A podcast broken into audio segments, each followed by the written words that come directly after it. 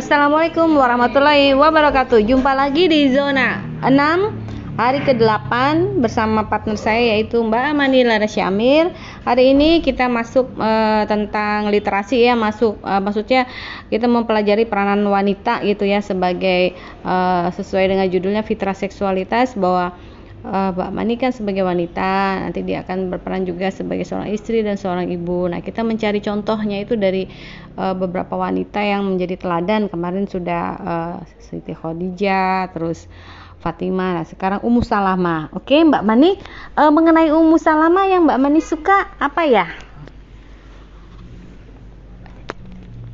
Uh, Ummu Salamah itu orangnya bijak ya. Dia sering menjadi rujukan untuk menjawab permasalahan umat-umat muslim. Jadi setelah Rasul wafat biasanya yang suka konsul bertanya mengenai apa permasalahan atau isu itu kepada Ummu Salamah. Karena Ummu Salamah itu banyak mengamati peristiwa yang terjadi sekitarnya dia juga selalu mengikuti perkembangan kaum muslim dari masa ke masa. Jadi dia tahu benar bagaimana uh, tentang berbagai persoalan terjadi. Jadi sama Ummu Salama itu dia perhatian banget sama keadaan di sekitarnya dan sering menjadi tempat rujukan permasalahan umat. Walaupun terkadang Ummu Salamah sudah sampai tua kayak gitu, tapi uh, beliau masih rajin belajar dan mengamati keadaan di sekitarnya. Ummu Salamah itu termasuk wanita yang walaupun berumah tangga, sudah berumah tangga dia tetap uh, terus belajar menuntut ilmu baik secara formal maupun formal. Dan jadinya kan karena itu kan kita bisa apa ya bisa menjadi lebih tahu dan lebih berpengalaman. Oke Mbak Mani ya. Dari yang Mbak Mani baca nih beberapa tentang kisah wanita yang baik ya. Terutama nih nanti kalau udah menjadi seorang istri. Kira-kira cara uh, seorang istri membantu uh, suaminya tuh seperti apa menurut Mbak Ani? Yang membantu suami itu ya dalam uh, beda-beda ya. Ada yang membantu suaminya dengan beres-beres uh, rumah ada yang masak ada yang juga bekerja atau ngurus anak.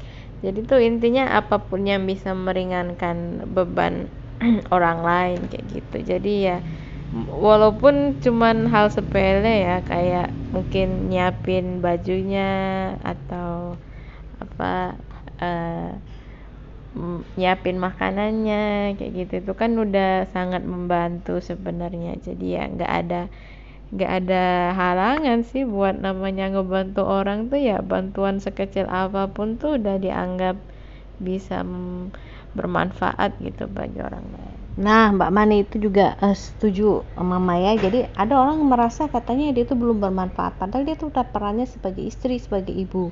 Nah, kayaknya dia tuh nggak merasa kalau misalnya apa yang dia lakukan sehari-hari itu menyiapkan uh, sarapan, makan ya, mencuci pakaian, ngebersihin rumah, membuat rumah menjadi nyaman gitu ya, ditinggalin terus bikin semua keluarganya bahagia. Itu tuh kat, kat kalau nggak mereka tuh nggak merasa kalau itu sudah bermanfaat buat orang lain. Gimana menurut Mbak Ani?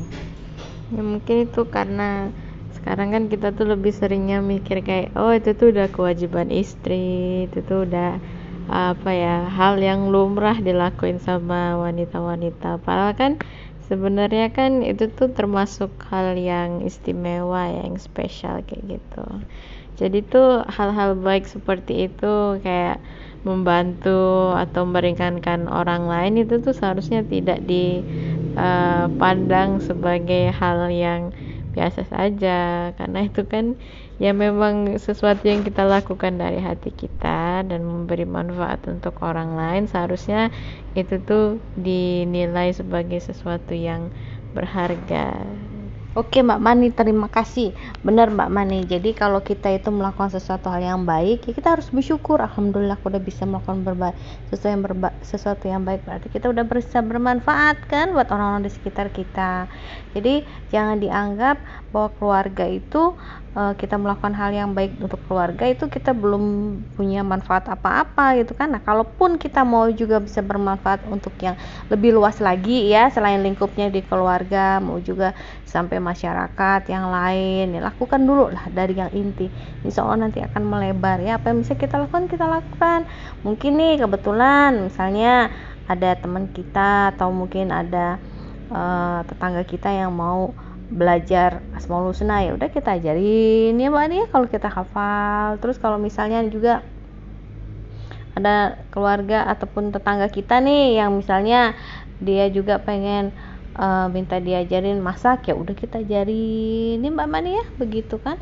Toh kita juga kita menolong mereka tuh ya kita nggak bikin ribut-ribut dari rumah kita bikin suara yang sampai kedengarannya tertib kencang-kencang jadi tetangga lain nggak nyaman itu kan?